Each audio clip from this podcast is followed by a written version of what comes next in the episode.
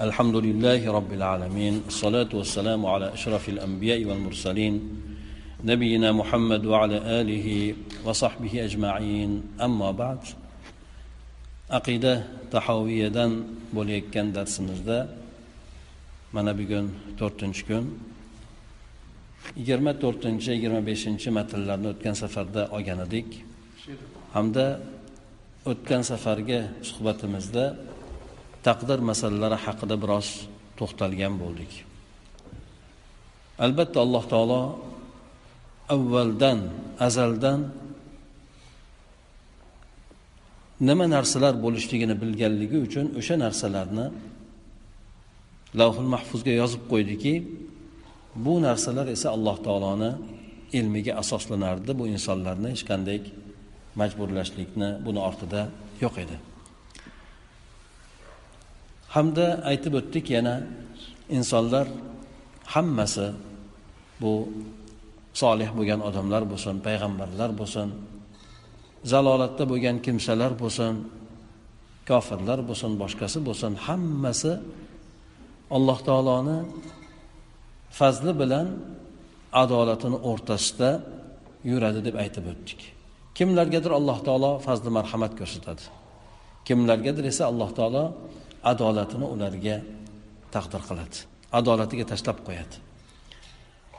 Alloh taolo xohlagan bandasiga tavfiq beradi. Tavfiq ma'nosi ikki xil ma'noda ishlatilgan bo'lib bu narsa bir ma'nosida yo'l ko'rsatuvchi yo'llovchi degan ma'noni ifoda qiladi. Ikkinchisida esa u muyassar qiluvchi yaxshiliklarga erishtiruvchi degan ma'noni ifoda qiladi. Alloh taoloni o'ziga xos bo'lgan tavfiq bor. Bu insonlarni yaxshilikka muyassar qilib qo'yishligi. Ularni o'sha narsaga alloh taolo erishtirib qo'yishligi. Bu alloh taolo tomonidan bo'ladigan tavfiq. Shuning uchun payg'ambar sallallohu alayhi vasallamga alloh taolo xitob qilib aytdiki innaka la tahdi man ahbabt valakinnalloha yahdi man yasha. Siz xohlagan bandangizni to'g'ri yo'lga yo'llay ololmaysiz deb payg'ambar sallallohu alayhi vasallamga aytdi. Lekin alloh taolo xohlagan bandasiga tavfiq beradi. Uni hidoyat qiladi to'g'ri yo'lga yo'llab qo'yadi deb aytib o'tdi. Payg'ambar sallallohu alayhi vasallamga boshqa bir oyatda aytadiki innaka la tahdi ila sirotin mustaqim. Siz odamlarni to'g'ri yo'lga yo'llaysiz dedi bu yerdagi ma'no yo'l ko'rsatib berasiz. Odamlarga bayon qilib berasiz degan ma'noda bo'ladi. Demak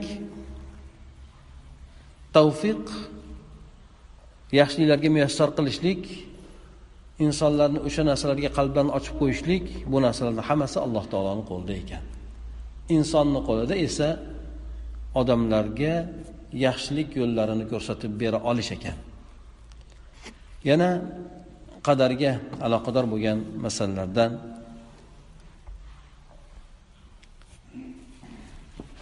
alloh taolo azaldan hamma narsani qiyomatgacha bo'ladigan hamma narsalarni bitib qo'ygan. Mana hadisni aytib o'tdik alloh taolo avval yaratgan narsalardan qalamni yaratganda yoz deganida nimani yozay deb aytgan so'ragan paytida qiyomatgacha bo'ladigan narsalarni yozgin deganda alloh taoloni izni bilan taqdirotini yozib o'tadi. Buni aytib o'tdik o'tgan safarda. Alloh taolo oldindan bilishligi bu insonni hech qanaqangi majburlashlikka kirmaydi. Har bir inson nima uchun yaralgan bo'lsa o'sha narsaga muyassar qilinadi. Bu haqida biroz yana qadar masalalari haqida ba'zi ba'zi o'rinlar keladi. O'shanda ham ochiqlab o'tishlikka harakat qilamiz. Yana yigirma oltinchi matnda imom tahoviy aytadilarki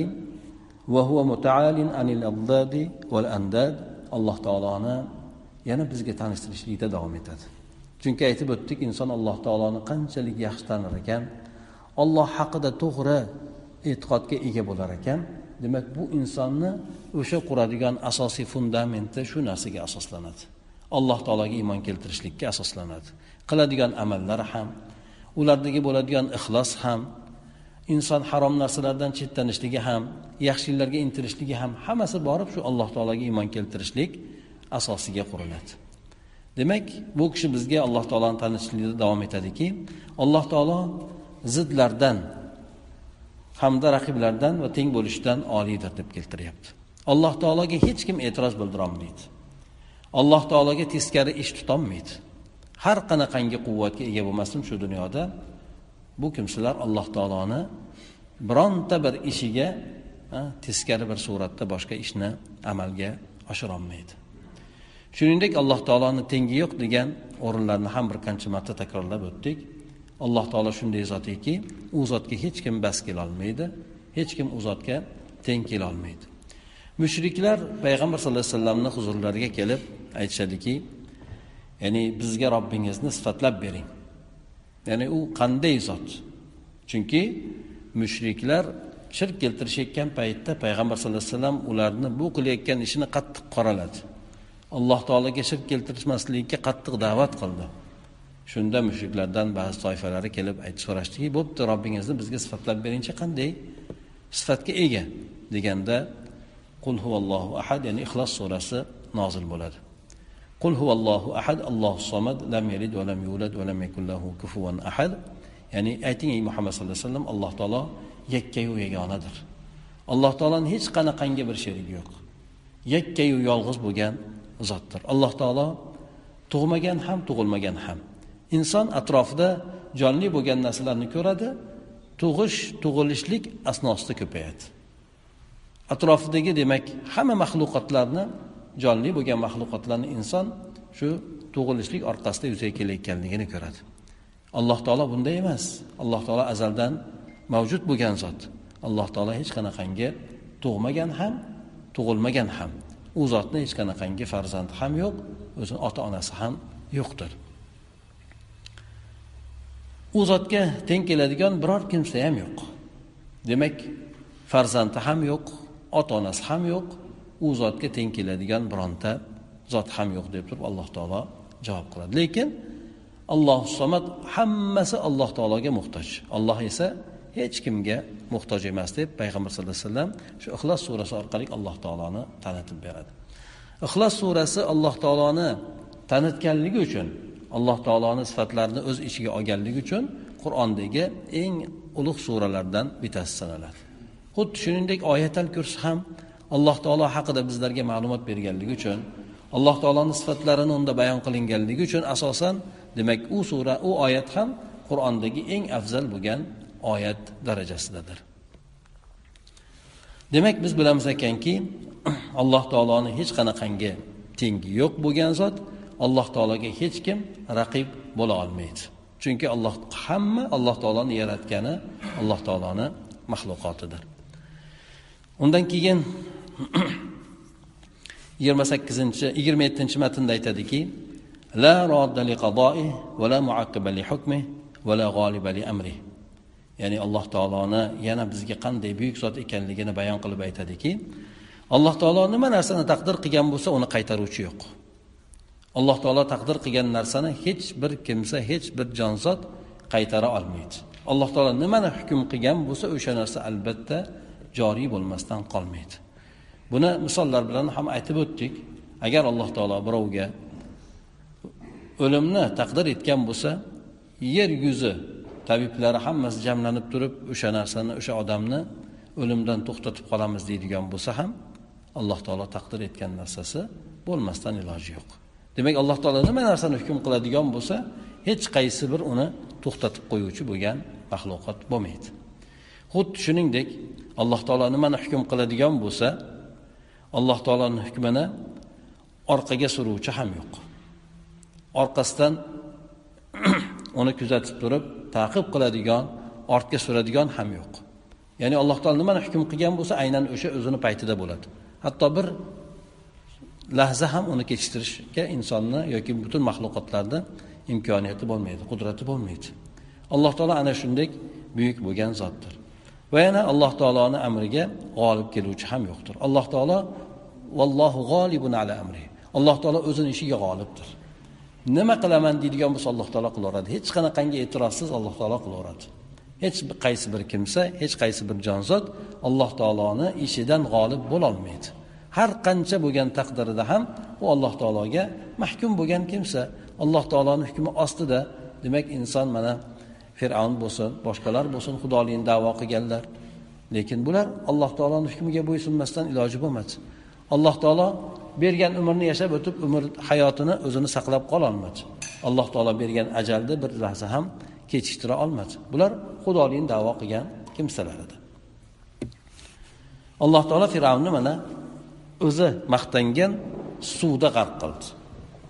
Ha misr mulki meni mulkim deb o'sha daryoga ishora qilib xuddi o'zini iloh qilib iloh deb sanab demak atrofdagi bo'lgan narsalar alloh taoloni mulki bo'lgani kabi meni mulkim deb faxrlanganda maqtanganda alloh taolo ayni o'sha mulkiman degan narsani o'zida alloh taolo uni halok qilib yubordi.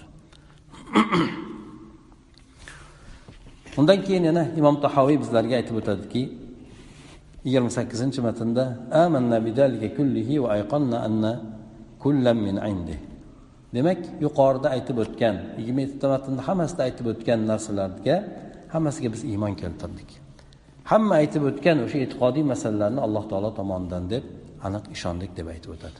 Demak alloh taoloni bizlarga avvalgi matndan boshlab yakka yolg'iz ekanligini qanchalik qudratga ega ekanligini alloh taoloni sifatlarini qiladigan ishlarini bizga tanishtirib keldi.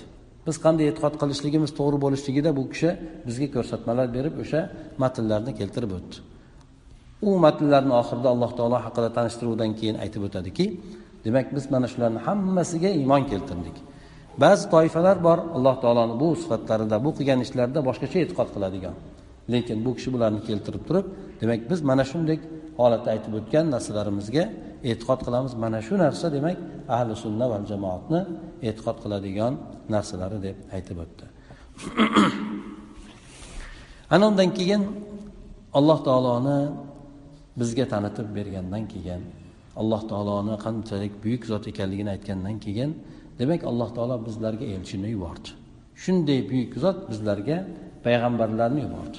Ularni avvalida esa boshida esa muhammad sollallohu alayhi vasallam turadilar. Demak muhammad sallallohu alayhi vasallamni endi biroz tanishtirib o'tadi bizga. U kishi borasida qanday e'tiqod qilishligimizni payg'ambarlik borasida qanday e'tiqod qilishligimizni bizlarga bayon qilib o'tadi. Aytadiki muhammad sallallohu alayhi vasallam alloh taoloni tanlagan bandasi. Shuncha bandalarni ichidan alloh taolo u kishini tanlab oldi. Alloh taolo payg'ambar sallallohu alayhi vasallam shunchaki bizlarga payg'ambar qilib keltirmadi. Balki insonlarni ichida eng qalbi musaffo bo'lgan qalbi toza bo'lgan bandani tanlab u zotni bizlarga payg'ambar qilib yubordi. Nasl nasabi ham juda ham yuqori bo'lgan. O'zi ham judayam oliy bir sifatlarga ega bo'ladigan demak payg'ambarni bizga alloh taolo yubordi. demak muhammad sallallohu alayhi vasallam alloh taoloni tanlagan bandasi shuncha insonlarni ichidan alohida tanlangan banda va yana saralangan payg'ambari. Payg'ambarlarni ichida ham payg'ambar sallallohu alayhi vasallam eng afzallaridan hisoblanadi eng afzali hisoblanadi. Alloh taolo u kishidan rozi ham bo'lgan qilgan ishlaridan rozi ham bo'lgan. Demak payg'ambar sallallohu alayhi vasallamni alloh taolo judayam yuqori bir darajaga ko'targandir alloh taolo bu yerda payg'ambar sallallohu alayhi vasallamni birinchi demak ko'p o'rinlarda o'zini bandasi ekanligini bayon qildi. Payg'ambar sallallohu alayhi vasallam ham o'zlarini alloh taoloni bandasi ekanligini ha shuning uchun muhammadun abduhu va rasuluh deb aytamiz. Muhammad sallallohu alayhi vasallam alloh taoloni bandasi va elchisi deb aytamiz. Bandasi banda bu insonga alloh taologa qullik qiladigan kimsa alloh taologa sig'inadigan ibodat qiladigan kimsa. Payg'ambar sallallohu alayhi vasallam allohni bandasi yaratgani bo'lganda xuddi shuningdek elchisi bo'lgan.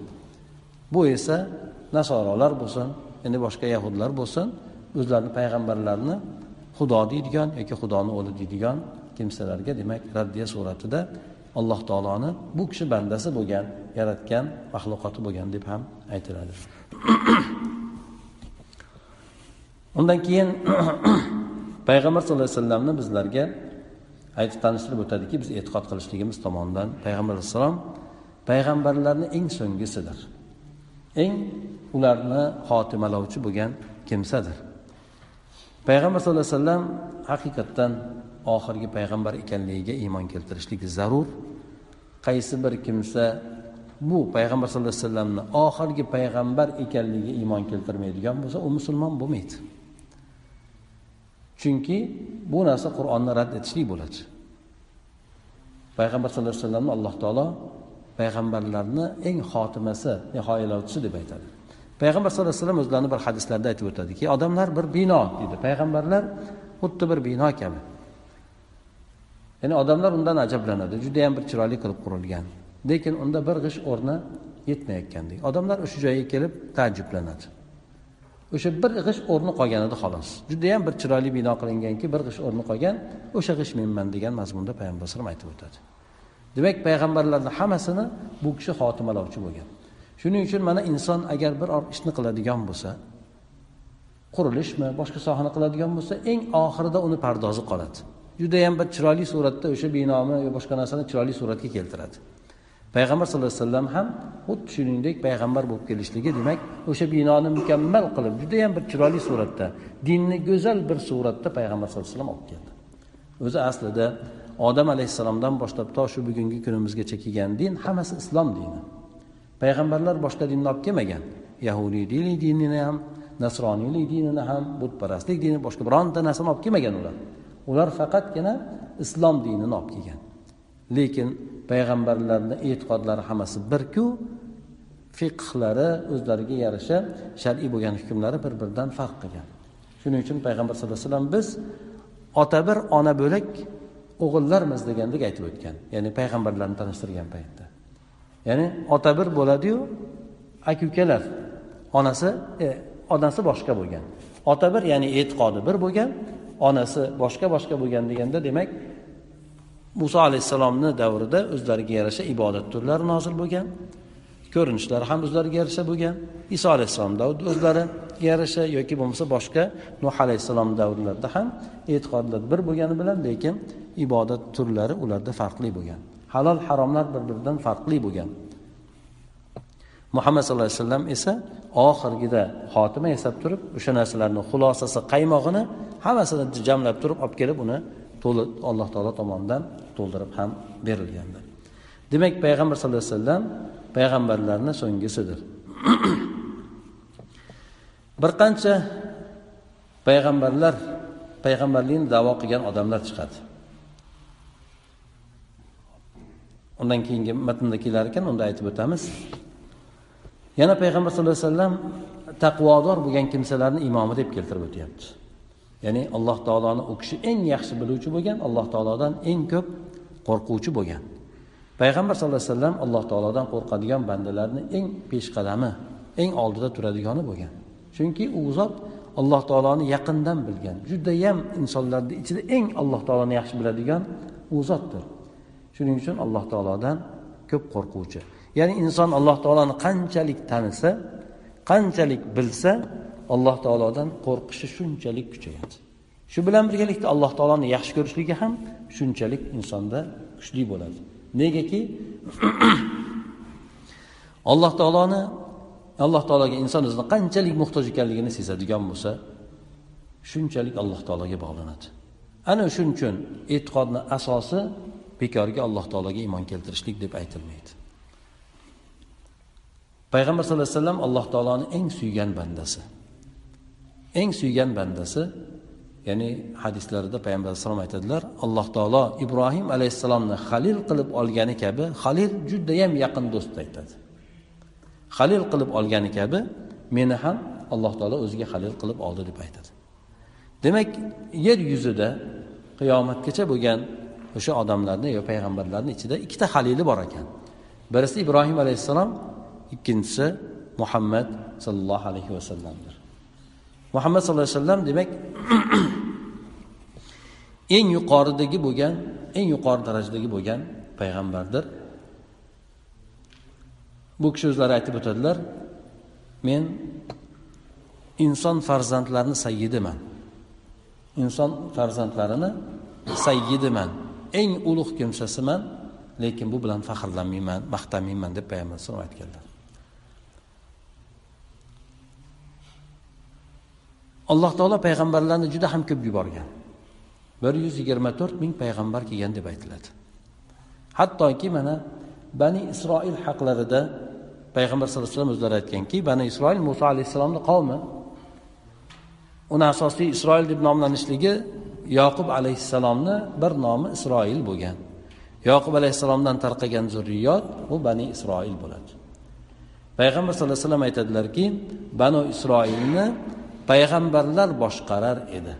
Bir payg'ambar vafot etsa o'rniga boshqa payg'ambar kelardi deydi. Demak alloh taolo bani isroilni juda yuqori ko'targan o'zini davrida. Olamlarni ustida ularni afzal qilgan. Shuncha ko'p mo'jizalar bilan ko'p ne'matlar bilan ularni siylagan. Lekin bu narsalarga ular nonko'rlik qiladi. Ularni aksari payg'ambarlarni juda qattiq qiynaydi. Hatto payg'ambarlarni o'ldirganlari bor. Shuning uchun alloh taolo ularga qattiq jazo choralarini qo'llagan qattiq hukmlarni nozil qilgan. Hamda alloh taolo ularga qiyomat kunigacha ularga yomonlik qiladigan kimsalarni yuborib turishlikka alloh taolo ularga va'da qilgan. Demak banu isroilni payg'ambarlar boshqa tasavvur qilib ko'ringlar bu ummatni olimlar boshqaradi payg'ambardan keyin olimlar va hokimlar boshqaradi birgalikda.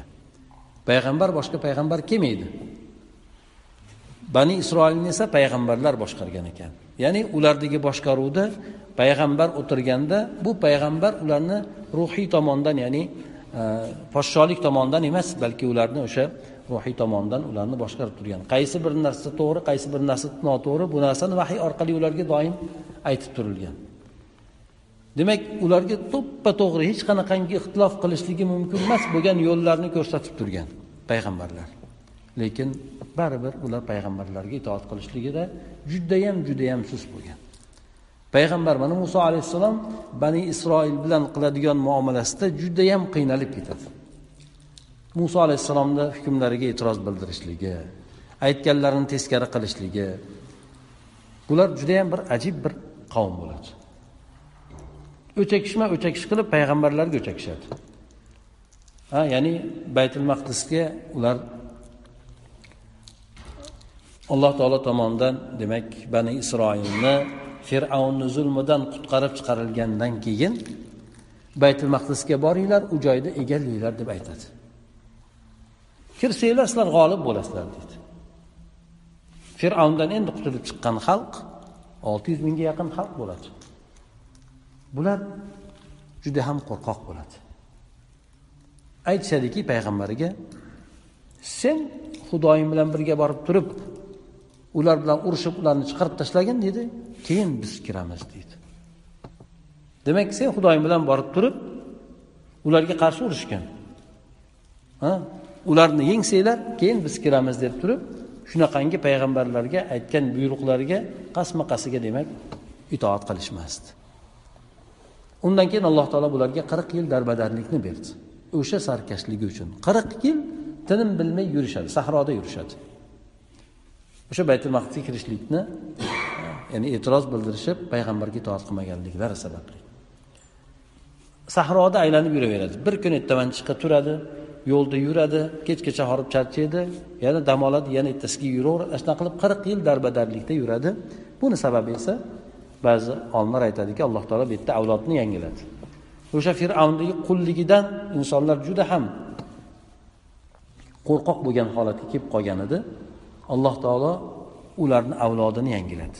Qirq yilda bitta avlod yangilanib demak sal bir qo'rqmaydigan jasurroq bo'lgan qiyinchilikda tarbiya topgan avlod yuzaga keladida. O'sha avlod bilan birgalikda keyin keyin muso alayhissalomni shogirdlari yusha ibn nun ya'ni u kishi ham payg'ambar bo'ladi. Ana o'sha payg'ambar keyin keyin nimaga? Baytul maqdisga bostirib turib o'shalarni yengib kirishadi. Ajib bularni holatlari o'shanda ham bularga allohga sajda qilgan holatda kiringlar o'sha shaharga deganda teskari machagiga kirishadi. Orqasini qilib kirishadi shaharga. Allohim gunohimizni mag'firat qilinglar desa boshqa so'zlarni aytishib ya'ni o'shanga yaqin bo'lgan umuman mag'firatni ifoda qilmaydigan boshqa so'zlarni aytib xuddi payg'ambarni ustida kulgandek demak o'shanaqa ularda judayam payg'ambarlarga qarshilik bo'lgan. Ularni demak payg'ambarlar boshqargan bo'lishligiga qaramasdan shunaqangi payg'ambarlarga muomala qilishgan.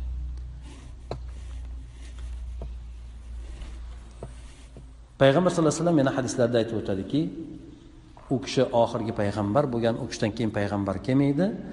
Ummatimni ichida yaqinda o'ttizta kazzob chiqadi. Hammasi payg'ambarlikni davo qiladi deydi. Bilinglarki men payg'ambarlarni so'nggisiman mendan keyin hech qanaqangi payg'ambar kelmaydi deb aytib o'tadi. O'ttizta payg'ambar bular ko'zga tashlangan mashhur bo'ladiganlar. Mashhur bo'lmaydiganlari qancha? Mana o'zimizni o'zbekni orasida payg'ambarlikni davo qilganlar bor. Yaqin qozog'istonda bor payg'ambarlikni davo qilib yurgan odam. Ya'ni hech kim unga ergashmaydi e'tibor ham qilmaydi ya'ni aqli sal nimaroq deb qo'yishadi. Lekin payg'ambarlikni davo qiladi. Vahiy kelyapti menga deydi. Bunga o'xshagan demak narsalar kim kimki vahiy kelayotganligini davo qiladigan bo'lsa u payg'ambarlikni davo qilibdi o'ziga bu payg'ambarlikni davo qilishda kim uni tasdiqlagan bo'lsa u musulmonlikdan chiqib qoladi. Eng mashhur bo'lgan oxirgi paytdagi payg'ambarlikni davo qilgani mirzo ahmad qodiyoniy. Bu o'sha pokistonda chiqqan qodiyoniyga harakatini yoki yo'nalishini u boshlig'i. U payg'ambarlikni davo qilgan. U inglizlar tomonidan mustamlaka bo'lganda o'sha joy inglizlar asosan bu nimani yo'nalishni yoki dinni chiqarib chiqarishgan hozirda ham bor ular. Katta katta ofislari bor kerak bo'lsa masjidlari bor internet saytlari bor. Islomkom deganda allohu alam o'shalarniki chiqadi. Mablag'i ham juda yam katta. Asosan angliya tomonidan ular ta'minlab turiladi. Payg'ambarlikni davo qilib chiqqan u odam o'lib ketdi. Lekin uni ergashuvchilari qolgan hozirgi paytda. Ularni alohida internet saytlari bilan birgalikda televizion kanallari ham bor. O'sha ular ham dinni da'vat qiladi. Shu islomni da'vat qiladi. Lekin buzilgan islomni o'zlarini o'sha kelgan odamini boshlig'ini payg'ambar bo'lgan payg'ambar alayhisalomdan keyingi payg'ambar bo'lgan deb tanishtiradi. Demak kimki uni tasdiq etadigan bo'lsa u odam musulmon bo'lmaydi kofir bo'ladi. Chunki bu narsa aytib o'tganimdek qur'on ta'limotiga zid bo'ladi. Kimki bironta bir payg'ambarlikni davo qiladigan bo'lsa payg'ambar sallallohu alayhi vasallamdan keyin uni payg'ambar ekan deb tasdiqlaydigan bo'lsa uni payg'ambarlikni davo qilgan odam kazzob bo'ladi payg'ambarligini tasdiqlagan odam esa kofir bo'ladi musulmon bo'lmaydi.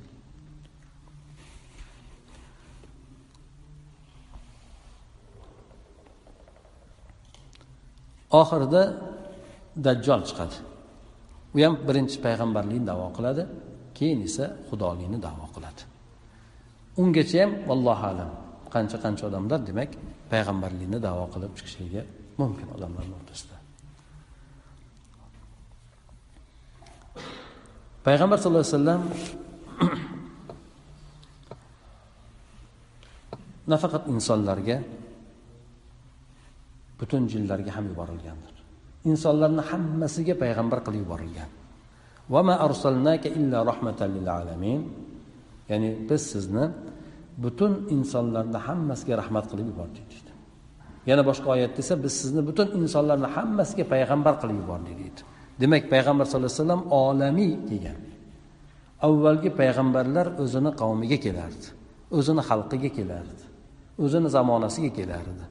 Lekin muhammad sallallohu alayhi vasallam esa xotimi o'laroq butun insoniyatni hammasiga payg'ambar bo'lib kelgan shuningdek qiyomatgacha u kishi payg'ambar bo'lib qoladi. U kishidan keyin bironta payg'ambar kelmaydi.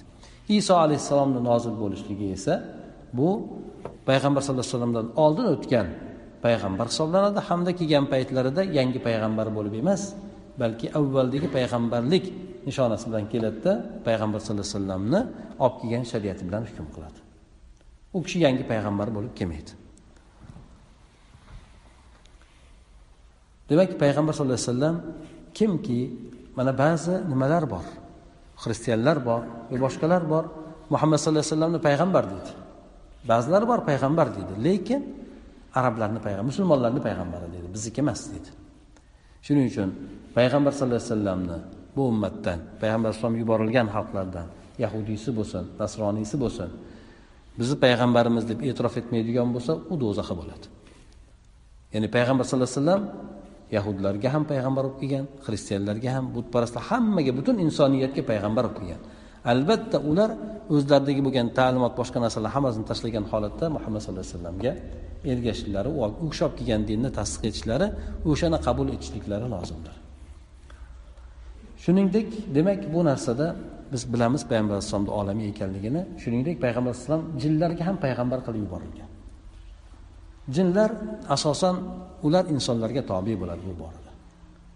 Jinlarni o'zidan emas balki insonlardan kelgan payg'ambar ularga ham taalluqli bo'ladi.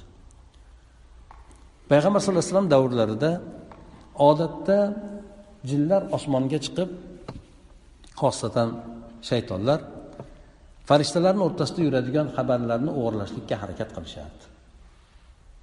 Payg'ambar e, farishtalarni o'rtasida bo'ladigan alloh taoloni buyruqlarini eshitib olishib olib kelib u narsani o'sha folbinlarga boshqalarga berib odamlarni adashtirishlikda ishtirok etishardi. Bir payt keldiki payg'ambar alayhisalomni payg'ambar qilib yuborishligida ularga osmonga chiqishligi to'sib qo'yildi. Chiqadiganlarga tosh otiladigan bo'ldi. Keyin bular nima bo'ldi ekan nima narsa sodir bo'ldi ekan deb yer yuzida tarqalishadi nima bo'ldi? Nimaga biz osmonga chiqishlikdan to'silib qoldik? Oxiri kelishib demak izlab izlab muhammad sallallohu alayhi vasallamni payg'ambar qilib yuborilgan ekanligiga oxiri guvoh bo'lishadi. Oxiri bilishadi. Bu yerda rivoyatda keladi abdulloh abbos roziyallohu anhuni ya'ni payg'ambar sallallohu alayhi vasallam jinlar bilan uchrashganligi bor. Ularni da'vat qilganligi bor. Ularga qur'on hukmlarini o'qib berganligi bor. Abdulloh masud bilan birga bo'lgan hadislarida payg'ambar sallallohu alayhi vasallam o'zlari kirib turib bir nimada e, e, bog'ni ichida xurmo bog'ni ichida payg'ambar sallallohu alayhi vasallam ular bilan o'sha yerda ko'rishib uchrashib ularni elchilari bilan. Ularga qur'on o'qib beradi ular musulmon bo'ladi qavmiga da'vatchi bo'lib qaytishadi. Undan oldingi ya'ni birinchi uchrashuv birinchi ularni kelishligi o'sha izlab izlagandan keyin musulmonlar payg'ambar sallallohu alayhi vasallam bilan birgalikda o'sha makkadagi paytlarida ukoz bozoriga boradi. O'sha yerda bomdod namozini o'qiyotgan paytlarida jinlar kelib o'sha yerdan bilishadi. Payg'ambar sallallohu alayhi vasallamni qur'on o'qiyotganligini eshitib turib bu kishi o'sha alloh taolo tomonidan payg'ambar olib kelibdi ekan qur'on olib kelibdi deb turib keyin o'zlarini qavmlariga borib xabar aytishadi. Shu bilan payg'ambar sallallohu alayhi vasallam keyin toifdan keyingi bo'lgan holatda ya'ni oxirgi davrlarda makkadagi u nimalarni jinlar bilan ko'rishib turib ularga keyin keyin bu dinni yetkazadi ularni e, alloh taolo bergan hukmlarni ularga bayon qilib beradi. O'shandan boshlab demak jinlar bu insonlarga din borasida hukm borasida insonlarga tobedir ahkof surasini o'ttiz birinchi oyatda aytadiki ya qavmana ajibu daiyallohi ya'ni jinlar kelib turib aytishgan ey qavmim ya'ni o'zlariga payg'ambar sallallohu alayhi vasallamni eshitgandan keyin borib turib aytishganki ey qavmim alloh taoloni da'vatchisi kelibdi. Allohga da'vat qiladigan kimsa payg'ambar kelibdi uni ijobat qilinglar deb turib qavmlarga o'zlari borib turib aytishadi. Demak payg'ambar sallallohu alayhi vasallam insonlar jinlarga payg'ambar qilib yuborilgan. Biz jinlarni endi ko'rmaymiz. Ular bilan bizni aloqamiz judayam zaif bo'lgan holatda ya'ni shaytonlar o'sha jinlarni bir toifasi. Jinlar ularni ham musulmoni bor kofiri bor. Yaxshisi bor yomoni bor. Jannati bo'ladigani bor do'zaxi bo'ladigani bor. Ular ham bizga o'xshagan maxluqot lekin bizni ko'zimizga ko'rinmaydi. Qiyomatda esa ko'ramiz ularni ham. Lekin bu dunyoda biz ko'rmaymiz ular bizni ko'rib turadi. Shuningdek ularni orasida judayam kofir bo'lib kofirlikka targ'ib qiladiganlarini shaytonlar deb aytiladi o'sha shaytonlar insonlarni adashtirishlikka qattiq harakat qiladi. Dushmanlik qilishlikka qattiq harakat qiladi. Iblis ham o'sha jinlarni toifasidan bo'lgan. Qur'oni karimda alloh taolo innahu kana minal jin. Ya'ni bu nima? Iblis jinlardan bo'lgan deb turib alloh taolo qur'oni karimda aytib o'tadi.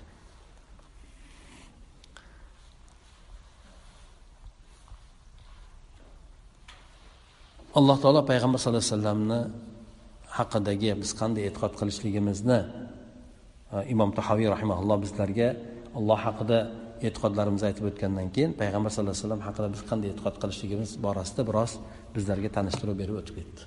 Demak muhammad sallallohu alayhi vasallam butun insoniyatga yuborilgan payg'ambardir. Alloh taoloni tanlagan rasulidir. Alloh taolo u kishini o'ziga juda ham yaqin olgan butun insoniyatni sayyididir. Alloh taoloni halil do'stidir eng yaqin bo'lgan do'stidir. Shuningdek payg'ambar sallallohu alayhi vasallam qiyomatgacha bo'lgan payg'ambar u kishidan keyin bironta payg'ambar kelmaydi payg'ambar sallallohu alayhi vasallam payg'ambarlarni eng so'nggisidir ularni xotimasidir. Payg'ambar sallallohu alayhi vasallam insonu jinlar toifasini hammasiga yuborilgandir. Kimki payg'ambar sallallohu alayhi vasallamni payg'ambarimiz deb e'tirof etmaydigan bo'lsa u aslida musulmon bo'lmaydi. Qaysi toifadan bo'lishligidan qat'iy nazar? Yana payg'ambar sallallohu alayhi vasallamni oxirgi zamon ya'ni oxirgi payg'ambari deb e'tirof etishligi lozim bo'ladi. Shu bizni payg'ambar sallallohu alayhi vasallam borasidagi bizni qilishligimiz kerak bo'lgan e'tiqodimiz. Ana undan keyin alloh taolo qur'oni karim haqida aytib o'tadi. E, Imom tahoviy e, qur'onga qanday e'tiqod qilishligimiz alloh taoloni kitoblariga qanday e'tiqod qilishligimiz borasida aytib o'tadi. Shu jumladan qur'oni karim ham. Imom tahoviy davrlarida ba'zi toifalarni chiqishligi orqali mana mo'tazila toifasi chiqishligi orqali bular alloh taoloni bu kalomini ya'ni alloh taolo so'zlagan narsasi emas balki yaratgan narsasi deb chiqadi. Buni o'ziga yarasha salbiy tomonlari juda yam ko'p edi ya'ni yaratilgan narsa u maxluq bo'ladi u nuqsonli bo'ladi. Lekin qur'on alloh taoloni kalomidir alloh taoloni sifatidir ayt so'zlagan so'zlaridir. Alloh taoloni o'zidan chiqqan so'zlardir. Bu alloh taolo inson yoki boshqa narsalarga o'xshatib turib alohida yaratgan narsasi emas. Shuning uchun biz qur'onni allohni kalomi deymiz. Shuning uchun biz uni muqaddaslab ulug'laymiz. Bu kishi ham ayni shu narsani keltirib o'tyaptiki qur'on alloh taoloni kalomidir. Yaratgan narsasi emas. Alloh taoloni o'zidan boshlangan lekin kayfiyatini biz bilmaymiz. Alloh taolo so'zlaydi qanday so'zlashligini biz bilmaymiz. Harflar bilan tovushlar bilan so'zlaydi lekin biz alloh taoloni o'zini aytib o'tganimizdek tasavvur qilolmaganimiz kabi qanday zot ekanligi haqida. Chunki ko'rmaganmiz o'xshashini ko'rmaganmiz. Xuddi shuningdek alloh taoloni so'zlashini ham qur'onni qanday alloh taolodan so'zlab chiqqan bu narsani ham kayfiyatini biz bilmaymiz. Lekin uni alloh taolo muhammad sallallohu alayhi vasallamga vahiy qilib nozil qilgan.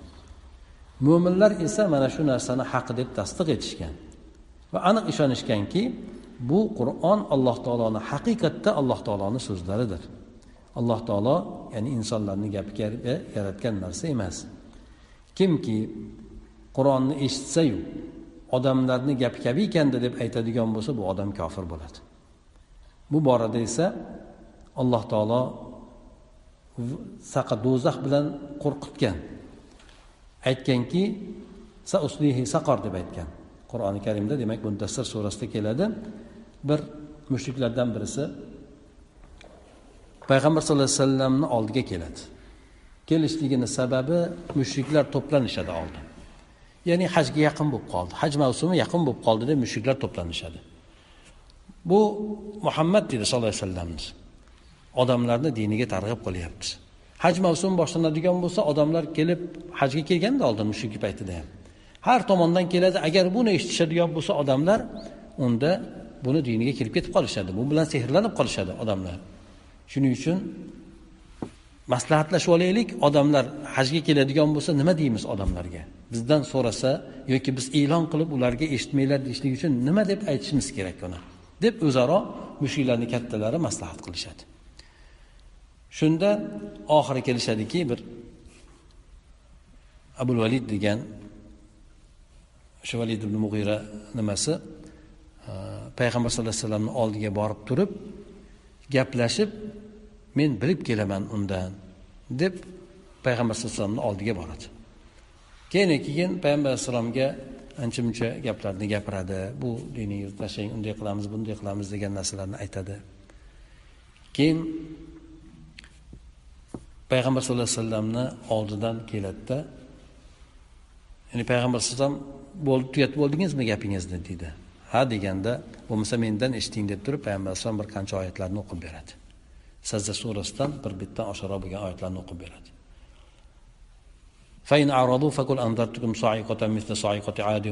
Degan oyatga kelgan paytida agar ular yuz o'giradigan bo'lsa ularni xuddi ot samud qavmlarini halokati kabi halokatdan ularni ogohlantiring degan oyatga kelgan paytda payg'ambar sallallohu alayhi vasallam og'ziga qo'lini qo'yib yuboradida bas bas bo'ldi deydi. To'xtang to'xtang deydi. Keyin indamasdan qavmiga boradi. Qavmiga aytadiki bu odamni o'ziga qo'yinglar deydi. Bu odamga teginmanglar deydi. Buni gapirayotgan gaplari odamni oddiy odamni gapi emas deydi. O'sha oyatni o'qiyotgan paytda xuddi azob ustimizga tushayotgandek tasavvur qildim deydi. Ayt keyin sheriklar aytadiki ey qurib ketgur seni biz jo'natibmiz deydi. U bilan sehrlanib qolibsan unga deydi. Ha shuning uchun jo'natganmidik seni deb malomat qilishadi. Odamlarga nima deymiz? Odamlarga keladigan ishg'olchilarga desa to'xtanglar bo'lmasa deb turib keyin keyin in huva illa demak bu ta'sir qiladigan sehr deymiz odamlarga. Odamni o'ziga mahliyo qilib oladigan bir sehr deymiz. In hada illa qavlul bashar. Bu odamni gapi deymiz. Ollohni gapi demaymiz deb odamlarga demak shunaqa maslahatlarni berib turib keyin hammasi kelishadi hajga keladigan odamlarga demak bu sehrgar buni gapiga e'tibor bermanglar o'ziga mahliyo qilib oladi odam ota bilan bolani o'rtasini ajratib qo'yadi shunaqa aytaylik folbin boshqa boshqa degan gaplarni reklam qilib tarqatishadi. O'shandek demak bu yerda oyatni keltirib o'tyaptiki bu kishi demak kimki qur'onni ollohni so'zi emas bu insonlarni so'zi deb aytadigan bo'lsa bu kofir bo'ladi. Chunki alloh taolo o'zini so'zi bilan o'zini o'zi so'zlagan bu so'zlarni qur'ondagi so'zlarni alloh taoloni kalomi deb aytiladi. Bu insonni hech qanaqangi so'zi emas. Jibril alayhissalomni ham so'zi emas. U kishi balki olib kelgan payg'ambar sallallohu alayhi vasallam esa yetkazib o'qib bergan so'zlardir. Bu alloh taoloni haqiqatan so'zlaridir deb e'tiqod qilishligimiz kerak deb aytadi.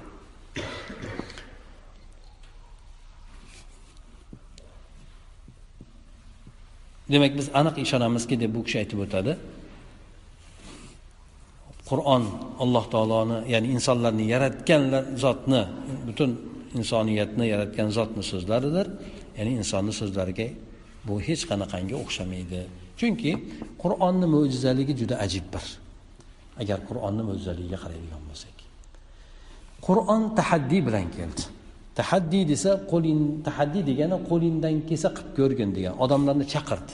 Shunchaki qur'on nozil berib o'qib berilgani yo'q payg'ambar alayhissalom alloh taolo qur'oni karimda qo'linglardan keladigan bo'lsa qur'onga o'xshagan narsani olib kelinglar deydi boshqa oyatlarda qo'linglardan keladigan bo'lsa bir surani olib kelinglar deydi o'zinglar bo'pti to'qigan deyapsizlar. Muhammad sallallohu alayhi vasallam o'zi gapirgan deyapsizlar. Bo'pti demak inson ekan bu. Sizlarni oringlarda gapga ustalari bor shoirlari bor boshqasi bor. Bo'pti qur'onni olib kelsin. Ha ojiz bo'ldimi? Endi bitta surani olib kelsin bo'lmasa. Bitta surani demak qur'onni surasini keltirsinchi qani undan ham ojiz bo'ldimi? Hech bo'lmasa bir oyatni keltirsin. Qur'onni oyatlariga o'xshagan bir oyatni keltirsin. Odamlar ko'rib turib ojiz bo'ldi. Bular o'sha qur'on oyatlarini eshitishlikni o'zi bilan aytaylik unga urinishlik befoyda ekanligini bildi. Chunki qur'onni uslubi ajib bo'lgan uslubida ya'ni insoniyat so'zda ustamonlikda she'r boshqa narsada ustamonlikda yetadigan daraja shu darajaga yetsa qur'on bu darajadan jinday yuqori qilib qo'ygandi alloh taolo. Demak uni sohasini egasi juda yaxshi bilardi. Shuning uchun qur'onni mo'jiza deb aytildi. Alloh taoloni qur'on mo'jizasi payg'ambar alayhissalomga bergan mo'jizasi bo'ladi. Muso alayhissalomga asoni bergani kabi iso alayhissalomga davolashni bergani kabi yana boshqa payg'ambarlarga mo'jizani bergani kabi qur'onni payg'ambar sallallohu alayhi vasallamga eng katta mo'jiza qilib berdi. Nimaga mo'jiza qilib berildi bu narsa?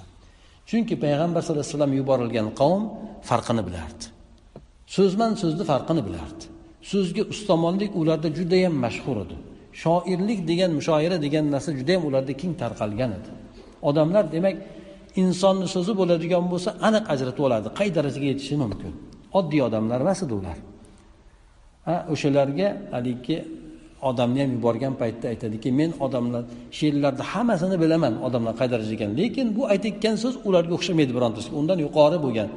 Bu insonni so'zi emas deb aytib o'tadi ana o'shandek qur'onni tuzilishlik tartibi ham juda bir ajib.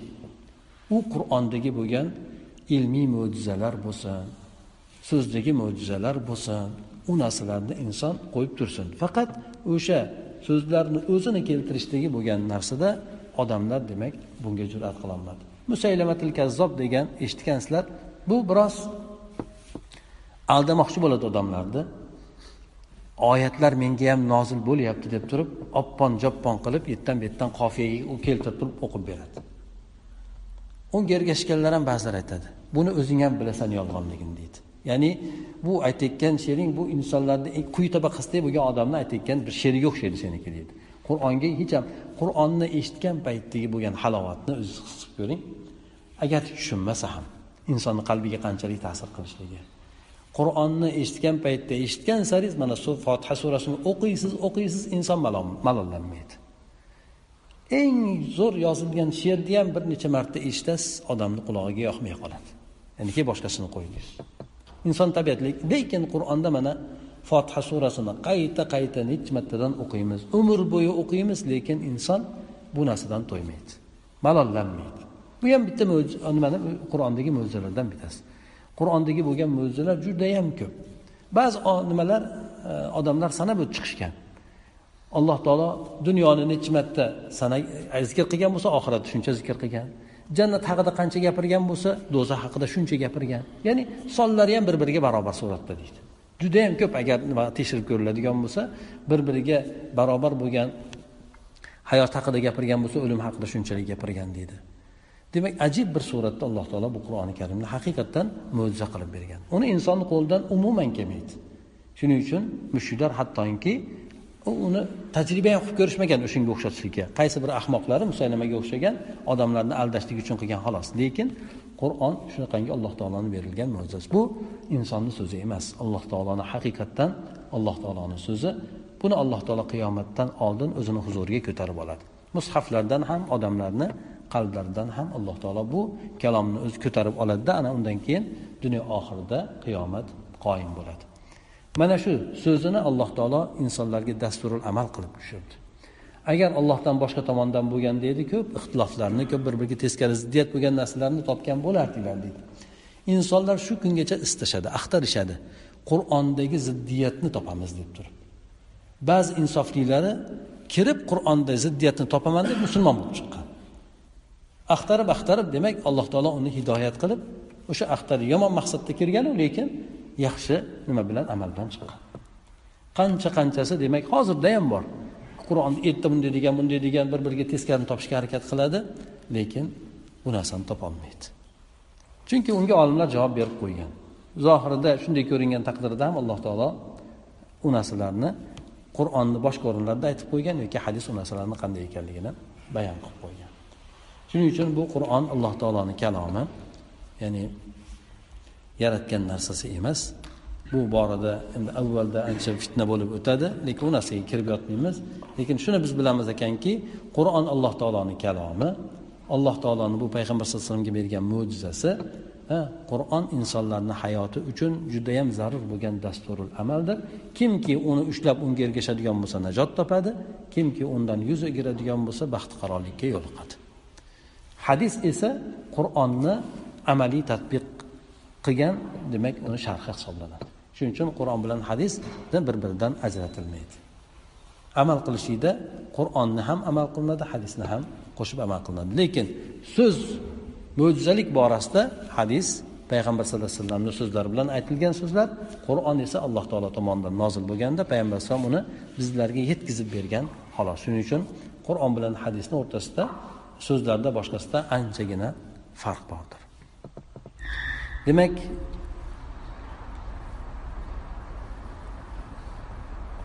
shu yergacha bo'lar bo'lmasa bugungi demak suhbatimizda qadar to'g'risida aytib turib bu kishi alloh taolo nima narsani hukm qilgan bo'lsa uni hech kim qaytarolmaydi. Alloh taologa zid ham chiqolmaydi. Alloh taoloni qilgan hukmlarni ortga ham surolmaydi. Demak shunday alloh taolo buyuk bo'lgan zot deb bizga alloh taoloni tanishtirib bo'lgandan keyin alloh taolo to'g'risida bizni e'tiqodlarimizni qanday bo'lishligiga bu kishi oxirida xotima yasab aytdiki demak shularni aytilgan narsalarni hammasini biz e'tiqod qilamiz. Alloh taolo o'zini qur'onda yoki payg'ambar sallallohu alayhi vasallam alloh taoloni hadisda qanday sifat bilan sifatlagan bo'lsa u narsani o'zgartirmasdan shundayligicha qabul qilamiz. Alloh taoloni to'qson to'qqizta ismi bor deb aytilgan bo'lsa o'sha to'qson to'qqizta ismni alloh taologa nisbatlaymiz uni ma'nolarini o'zimizcha boshqa ma'nolarga bormaymiz. Mana shu demak u olloh haqida bo'ladigan bo'lsa payg'ambar sallallohu alayhi vasallam haqida ham aytib o'tildi. U kishi payg'ambarlarni eng so'nggisi butun insoniyatda hammasiga yuborilgan shuningdek jinlarga ham. Kim payg'ambar sallallohu alayhi vasallamdan keyin payg'ambarlik davo qilsa u botil bo'ladi. Ha ya'ni uni tasdiq etganlar kofir bo'ladi. Yana shuningdek alloh taoloni kalomi qur'on. Demak alloh taolo o'z tomonidan muhammad sallallohu alayhi vasallamga nozil qilingan u alloh taoloni so'zlari demak kimki alloh taoloni so'zi emas deb aytadigan bo'lsa u inson musulmon bo'lmaydi kofir bo'ladi deb aytib o'tildi demak bugungi gaplashib o'tgan masalalarimiz shu masala atrofida bo'ldi. Subhanakallohumma an la ilaha illa anta va ilayk. Allohumma anfa'na bima 'allamtana va 'allimna ma yanfa'una zidna ilma. Assalomu alaykum va rahmatullohi va barakatuh.